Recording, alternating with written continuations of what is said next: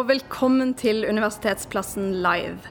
Akkurat nå så sitter vi midt i en glassboks på Universitetsplassen i Oslo sentrum. Og her planlegger vi å sitte de neste dagene, fordi vi skal snakke med noen av landets beste forskere og samfunnsprofiler om de store spørsmålene. Eh, jeg er programleder Hedda Vidar Stølen, og i denne episoden skal vi snakke om fake news, løgn og bedrag i sosiale medier. For uh, russiske troll, trollfabrikker og manipulerte bilder og litt sånn sensasjonelle overskrifter og en amerikansk president som slenger ut anklager om fake news hver gang han blir uh, kritisert, nærmest, er jo noe man møter på ganske ofte. Men hva er egentlig fake news? Hvem står bak, og hvor farlig er det egentlig for oss her i Norge? Det er jo det vi forhåpentligvis skal klare å svare på i dag. Så Derfor så har jeg fått æren av å få besøk av Petter Ba Brandtzæg, professor ved Institutt for medier og kommunikasjon ved Universitetet i Oslo. Hallo. Hei. Og Stål Grut, som er journalist i NRK Beta. Og du har sett så mye rart av kildekritikk og eh, fake news at du har sett deg nødt til å skrive en bok om digital kildekritikk, er det rett? Ja, det ble, det ble til slutt resultatet, det, ja. Men uh, den er, er, i prosess, i hvert fall. Men det er nok av, eh, av eksempler der på mm. både god jobb som gjøres med kildekritikk, men også en del eh, svakere innsats på det feltet. Ja. Ikke sant. Så for å starte, hva er egentlig eh, konsekvensene av falske nyheter? Hvorfor er dette noe vi må være påpasselige med? Altså, for å begynne da, så er jo ikke falske nyheter noe nytt fenomen. Det har jo eksistert i tusenvis av år. Eh, du kan jo ta opp alt fra Bibelen til, eh, til uh, Goebbels og Nazi-Tyskland. ikke sant? Det har vært fake news uh, så lenge vi vet om. Og det interessante er jo at disse historiene de varer jo evig. ikke sant? En fake news-historie kan vare evig. Aldri bli på en måte debunka. Og det i seg selv er jo urovekkende, så det kan jo være at vi lever på falske nyheter hele tiden. Hvem er det som skriver historien? Det er seierherrene. Eh, så sånn kan vi gå i eh, det vide og det brede, og vi kan bli veldig forvirret av å tenke på det. Fordi eh, hva er sannhet, og hva er falske nyheter? Men falske nyheter som begrep dukket jo ikke opp før i 2016 og valgkampen i USA. Hvor det for alvor ble veldig fokusert på, og det er jo takket være Donald Trump. ja. Og det amerikanske valget. Og jeg er sikker på at uh, Ståle Grut kan uh, fylle inn også rundt det. Ja, altså det er jo på en måte der vi har sett den populariteten rundt begrepet. Og så har jo det falske nyheter etter hvert blitt et sekkebegrep. Og det er flere som sier at det også har på en måte blitt tømt for mening, for det nå inneholder såpass mye forskjellige ting. da Men det er jo det her med uh, altså, informasjon som har sterkt varierende kvalitet. Ofte så er det altså, Ting sprer seg veldig raskt på, på sosiale medier. Eh, rykter er jo også en ganske gammel, gammel oppfinnelse. Så, sånne ting og, som kanskje får en litt mer seriøs innpakning ved hjelp av en nettside. Men så viser det seg at den, den nettsida utgir seg for å være noen helt andre, f.eks. Og, og det måten falske nyheter også måte sprer seg på, er jo at det gjerne deles på sosiale medier mm. i ulike nettverk. Og da er på en måte de insentivene for kanskje faktasjekking og kritisk ettergåelse og sånn er, er sjelden til stede på de store sosiale plattformene. Mm. Ja, for det er jo det at uh, det som vekker litt engasjement i oss, er jo gjerne disse litt uh, syke historiene og disse tingene som kanskje grenser litt opp til fakta. Eh, og der har jo ja, fake news eller falske nyheter funnet sin vei inn, da. Mm. så hva er, det, man, hva er liksom det man skal se etter? Hvordan kan man avsløre en falsk nyhet? Nei, man skal se etter altså, hvem er det som skrevet dette her? Altså, hvem står bak historien, og hvorfor har vedkommende skrevet det, er også veldig viktig. Altså hva er motivasjonen for å publisere dette her? Eh, fordi ofte så kan jo publisering av falske nyheter være økonomisk vinning i form av sensasjonelt eh, innhold. Hvor man da får trafikk inn på siden og tjener på falske nyheter gjennom f.eks. reklame og den type ting. Men også selge tulleprodukter og alt mulig rart. Eh, og i tillegg så ser vi jo at falske nyheter, særlig i Norge, da er eh, spres på Facebook spesielt. Og da gjerne i, i grupper som er såkalte uh, ekkokamre. Uh, og da er det ofte politisk vinning bak. Uh, at man prøver å diskreditere grupper i samfunnet, f.eks. Uh, innvandrere eller andre. Mm. Men hvem er det som står bak disse falske nyhetene? Det kan jo i, teorien være, være, hvem som helst. Vi har jo sett mange forskjellige aktører som, som lager sånne her falske nyheter.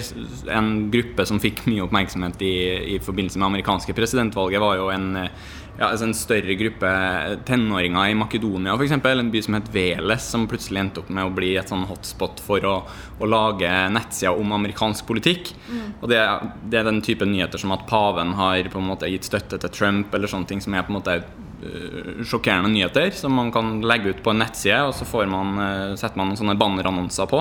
Eh, og da har man mulighet til å tjene penger på denne type sensasjonelle nyheter. Hvis man får dratt trafikk inn fra de ulike sosiale mediene. Så det er jo på en måte Det kan også være enkeltpersoner som til slutt også i hvert fall ble rapportert i New York Times hadde ansatte som satt og laga denne type, type innhold. Og så er det mer større, organiserte eh, virksomheter. F.eks. trollfabrikker har blitt nevnt. Det fins jo over flere deler i, i verden. kan du forklare begrepet trollfabrikk? Ja, altså det, det er også et begrep som etter hvert kan romme en del forskjellig, men det, men det, det refererer oftest i hvert fall til en type virksomhet hvor, hvor, det kan være drevet som et eh, vanlig firma. Folk kommer på jobb hver dag, men man har en mål om å støtte opp eh, f.eks. om en, si, en, en, gitt politisk sak eller noen sånne ting. Uh, En av de trådfabrikkene som kanskje nevnes, of, nevnes oftest, mye fordi at det er en av de få vi har mest uh, innsikt om. Det er en som kalles Internet Research Agency, som holder til litt utafor St. Petersburg. Mm. Og som egentlig har vært aktiv siden tidlig 2010-tall. Da har liksom vi i NRK har flere reportasjer på det. At vår korrespondent drar dit og, og, og sjekker ut de, de lokalene der. Og Der starta det med måte, at man går inn i kommentarfeltet på ulike nettaviser sånn for, å, for, å, støtte et gitt syn. Og etter hvert så har den aktiviteten også flytta seg over til sosiale medier. Eller når på en måte nettet har utvikla seg til å bli en mer sånn samhandlende arena, så er det også flere flater å, å på en måte ta, ta, for seg for å bedrive påvirkninger av ulik grad. Og øh, intensjonen til disse, da? Hva er, hva er det de vil? Det er jo å spre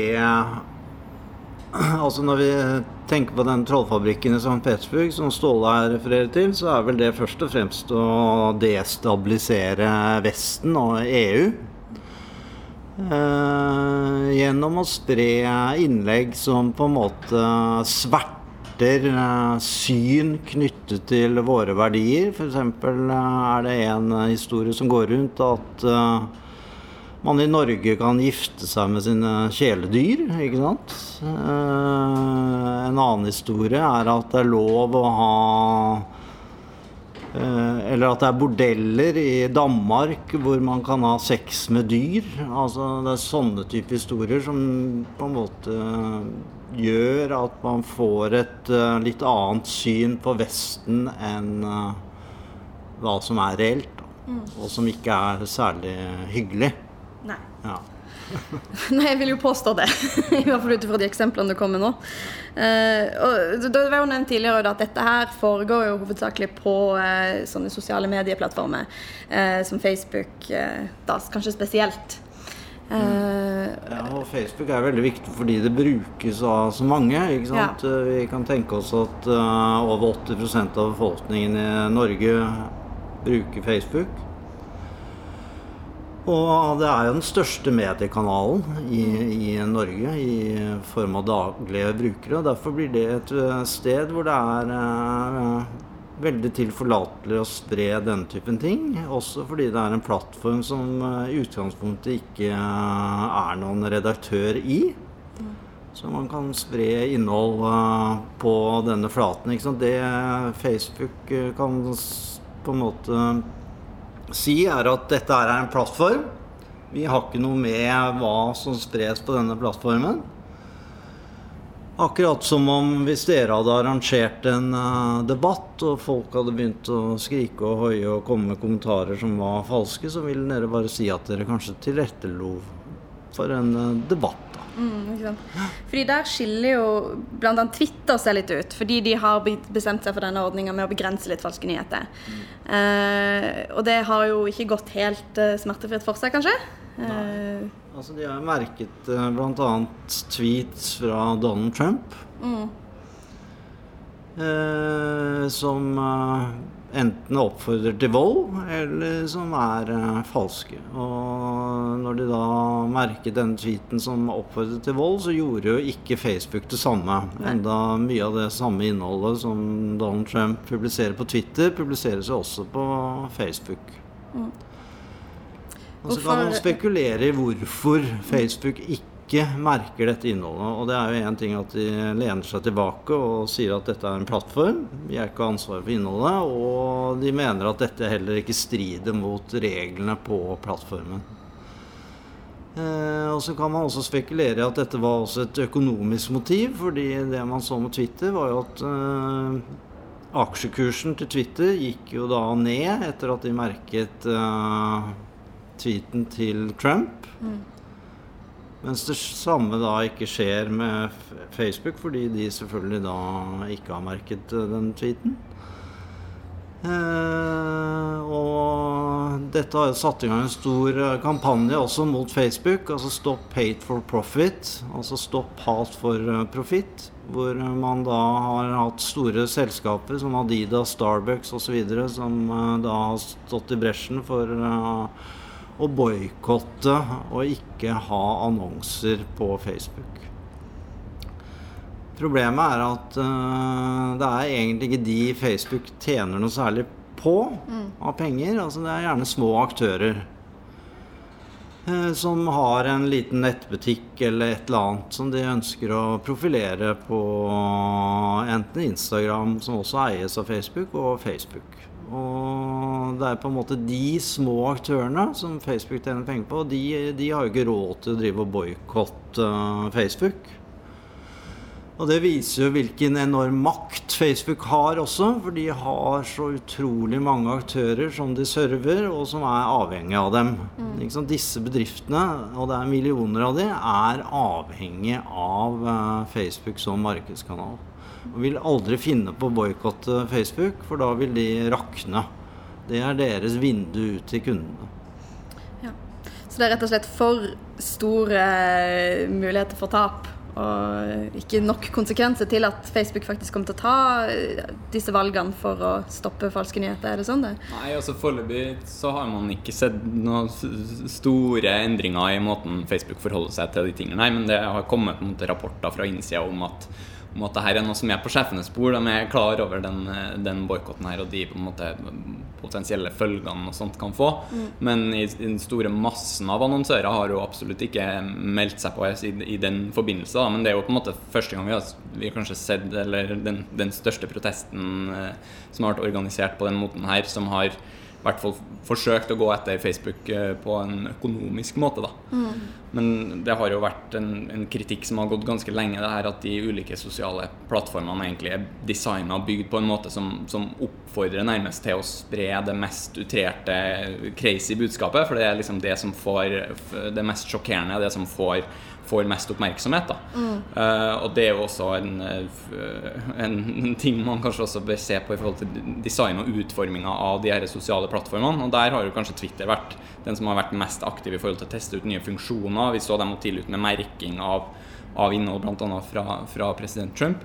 Og nå, Det var et nylig radiointervju med, med, Jack Dorsey, som er en av grunnleggerne av Twitter, hvor han på en måte tenker høyt om, om på en måte mulige endringer hvordan ting har fungert, og at man kanskje ikke ville ha gjort de valgene man hadde gjort i dag, og fått inn f.eks. en spillteoretiker for å, for å se på hvordan plattformen eh, rett og slett kunne ha blitt utnytta. Men sånne ting ble aldri gjort, og man har på en måte uh, prioritert vekst. da, Og det er spesielt tydelig i, i tilfellet Facebook, f.eks., som har mm. gått inn i store marked, f.eks. i ja, i, i Myanmar f.eks. så har de vært, vært aktive og også blitt ja, beskyldt av FN for å ha spilt en rolle eller en, en del i det folkemordet på rohingya som har foregått der. Og det, det, Da viser det jo hvor alvorlige konsekvenser det har. Og så ser man i ettertid også historier fra, fra at det moderatorverktøyet støtta ikke det aktuelle språket, f.eks. Så det var aldri noen mulighet for å, for å gå inn og få sjekke ut eller å, å verifisere eller å, å, undersøke hva som foregikk, fordi, fordi det fantes ingen moderatorer som holdt en oversikt. da.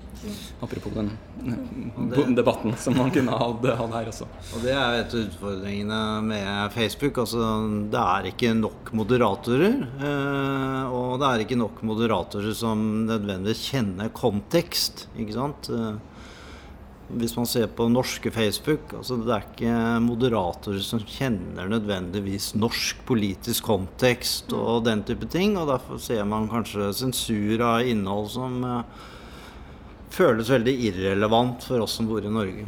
Det har eh, Aftenposten pekt på bl.a. Og ja. Erna Solberg sine innlegg ble sletta, så vi har jo hatt en del eksempler på det også. Det har vært mange, mye debatt om det. Men mm. det er riktig som Ståle Gutt sier. Det, det, de tjener penger på, er ofte dette med borderline content, altså eh, innhold som grenser til det ulovlige på plattformen. Eh, det er eh, sensasjonelt innhold, det er veldig eh, polarisert innhold ofte.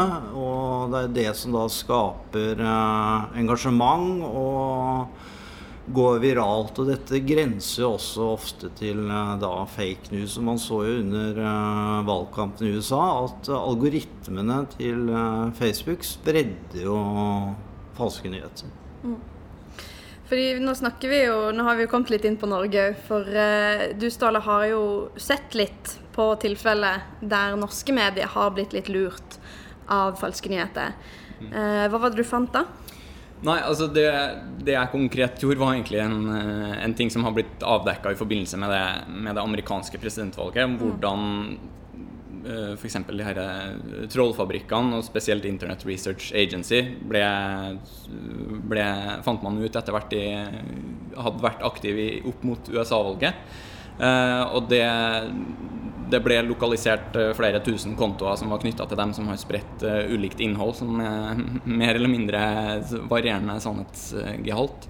Men der eh, viste det seg at mange amerikanske medier, store aviser og TV-stasjoner, som hadde brukt uh, mye av det innholdet som egentlig stamma fra Uh, angivelig, i hvert fall ifølge amerikanske myndigheter, fra den her russiske trollfabrikken. Mm. Uh, og I forbindelse med denne mulige granskinga så publiserte de alle de brukernavnene på de forskjellige kontoene.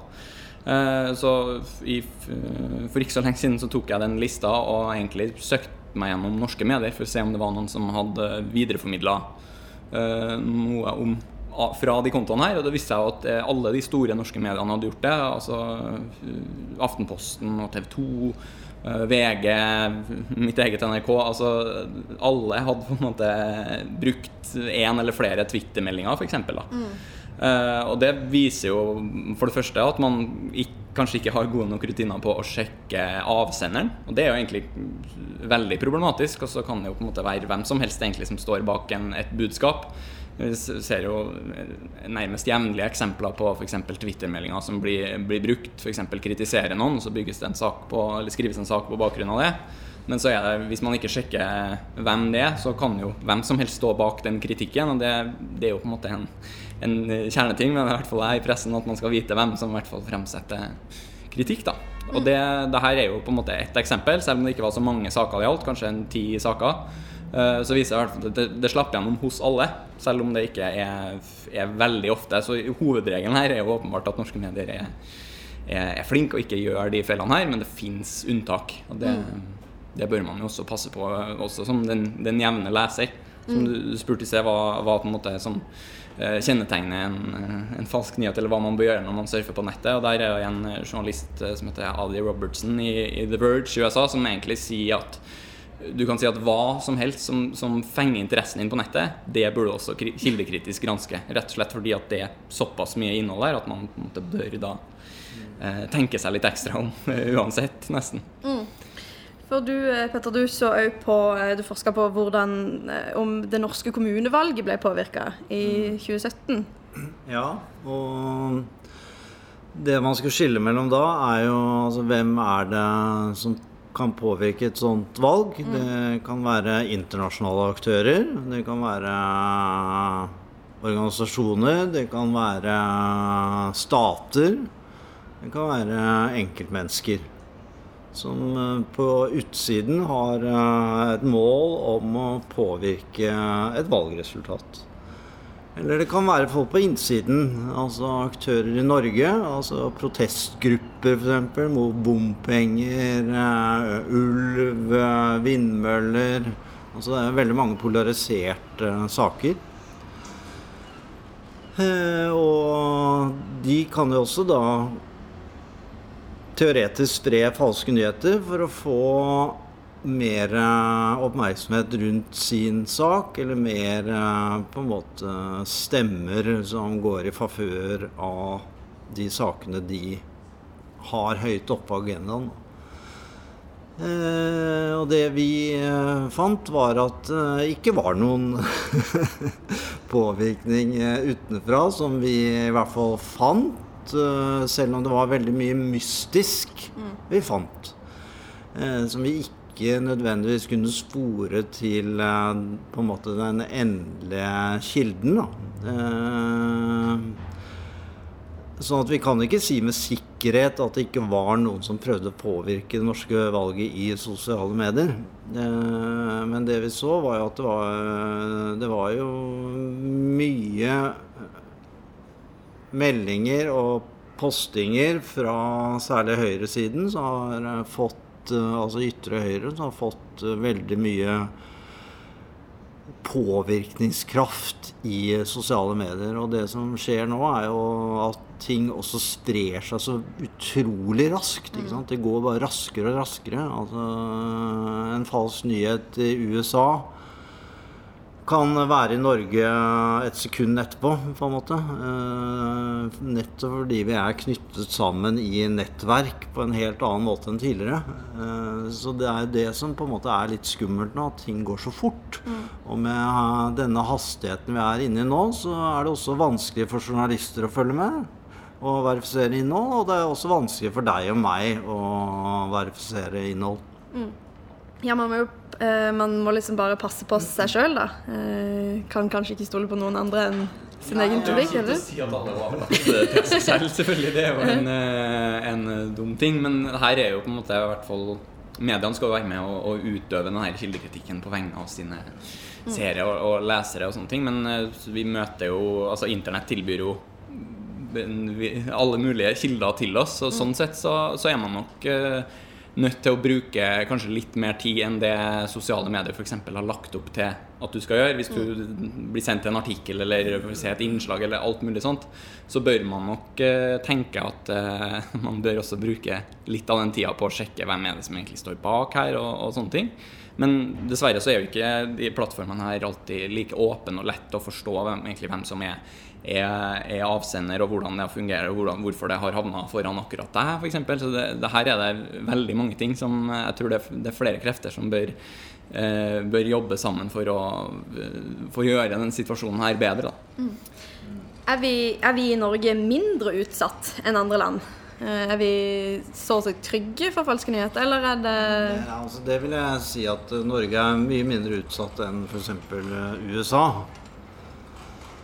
USA har en svær befolkning, mange aktører, eh, også innenfor mediebildet, som er mer eller mindre useriøse. Mens i Norge, som Ståle sier, så er det mye medier som er seriøse. Og vi skal huske på at Norge også er på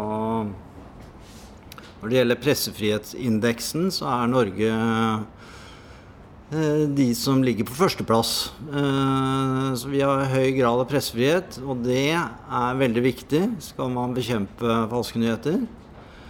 Eh, I tillegg så har vi en ganske høyt utdannet befolkning. Men du kan si at det som på en måte teller imot den norske befolkningen, er jo at vi henger på sosiale medier hele tiden. Vi scroller på Instagram, vi scroller på Twitter, vi scroller på Facebook og blir kanskje eksponert for en del falske nyheter som eh, ikke alle andre som henger på nett så mye som nordmenn eh, gjør. Eh, men sant? Norge er et ganske lite gjennomsiktig land, så ting blir eh, ganske fort på en måte avslørt, da, selv om eh, man i enkelte grupper og miljøer nok er eh, utsatt. Og det er jo de som gjerne vil være i ekkokammeret på Facebook, f.eks. Hva tenker du, Ståle? Er det, er det noe vi eh, må være redde for? Passe på, eller? Nei, altså, Vi har jo et godt utgangspunkt. da eh, Og det er som du sier, vi er et lite land og gjennomsiktig land, og det er på en måte for så vidt lett å forstå hva som foregår. Men det er jo det f.eks. på nettet så kan jo alle ende opp med å få sin egen feed av noe innhold på ulike tjenester og sånne ting. Og det gjør at med mindre Ja, f.eks. i, i meldingsapper og sånne ting hvor ting kan spre seg, så, så er det jo vanskeligere f.eks. For, for for eh, medier eller andre å, å, se hva som foregår, hvilke påstander sånn som, som, beveger seg ute blant befolkninga si da, i, en litt mer organisert uh, kontekst. Mm. Uh, men jeg, jeg, tror vi har på en måte et god utdanningstilbud og alle sånne ting som, som i hvert fall forhåpentligvis er med å sikre at folk tenker seg ekstra om etter de omleggingene av læreplanen nå, så er jo f.eks. det her med kildekritikk og digital kildekritikk heva ganske høyt oppe på på, den, eh, på lista over, over ting som, som, barn og unge skal ha god kontroll på. Mm. Så det viser jo at man er nødt til å på en måte tilpasse samfunnet til den nye virkeligheten hvor, hvor, teknologien da ender opp med å presentere hver og en for, for masse forskjellige ting. Uh, men det er nok ikke Selv om det kanskje ikke er det største problemet vi har i Norge, så tror jeg det blir dumt å bare lene seg tilbake og tenke at det, det ordner seg også. Det kreves nok eh, kontinuerlig jobbing egentlig for å, for å unngå å havne i for store problemer. Da. Problemet er jo at vi blir lurt på mer og mer sofistikerte måter. Gjennom falske nyheter, eh, altså falske nettsteder, mener jeg. Det kan være falske nettadresser som ligner på nrk.no. og eh, Designet er helt likt. Altså, det er veldig lett å manipulere innhold. og er, når man er på farten leser på mobilen, liten skjerm på vei inn i bussen, så er det fort gjort å bli lurt. ikke sant? Sånn mm. at uh, det er ikke noe vanskelig å lure folk. Nei, er det sånn at uh, de bare blir flinkere og flinkere til å lure? Så vi ja, må det, eh, ta det litt med rot? Det, det, er det vi ser at de blir. Altså ja. Det blir flere og flere verktøy også for å manipulere medieinnhold, som gjør at uh, flere og flere aktører også kan på en måte bedrive ganske avanserte uh, falske nyheter. Mm. Ja, for uh, Ståle, du sa tidligere i et sånt forhåndssamtale vi hadde, at man måtte se at uh, mediene måtte være mer opptatt av å se internett som en blomstereng, ikke som en blomstereng, men som et minefelt, tror jeg var rett. Uh, ja. Nei, jeg, jeg tenker litt på det at i hvert fall i, i, i, mange år så har man liksom sett på de BuzzFeed og, og, og sånne type medier som egentlig har utnytta internettet fulle og fått til mye veldig god journalistikk på bakgrunn av det, men der er jo på en måte man, man, man finner eh, masse gode historier på, på, nettet og gjør journalistikk på det. Mm. Men så viser det seg at mye av, av det innholdet også er, kan være oppspinn, eller, eh, eller eh, at det ikke stemmer, f.eks.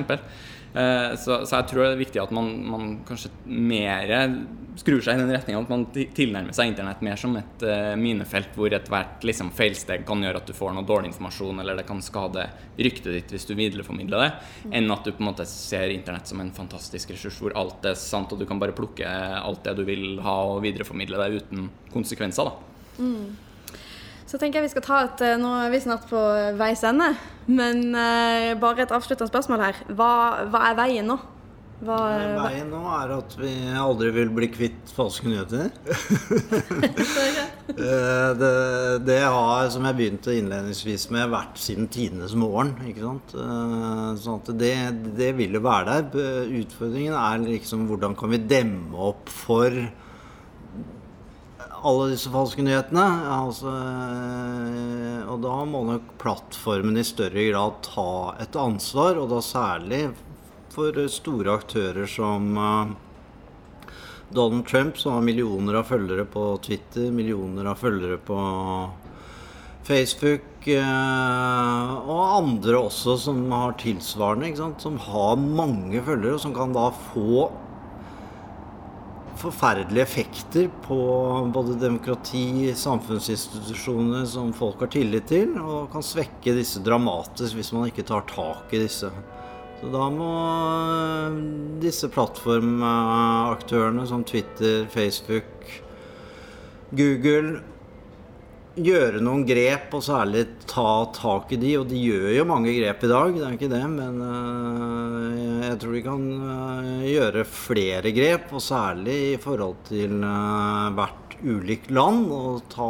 hensyn til også hvilken kontekst og politisk kontekst de ulike landene er i. Mm. Og så får vi andre være flinke til å være kildekritiske.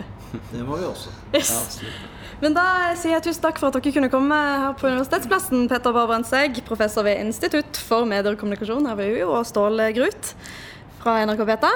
Veldig hyggelig. Eh, jeg heter Hedda Wille Stølen. Du har hørt på Universitetsplassen, og det må du gjerne fortsette å høre på utover dagen. Eh, følg dere på Facebook, og der du hører på podkast, så kommer vi tilbake med masse spennende innhold.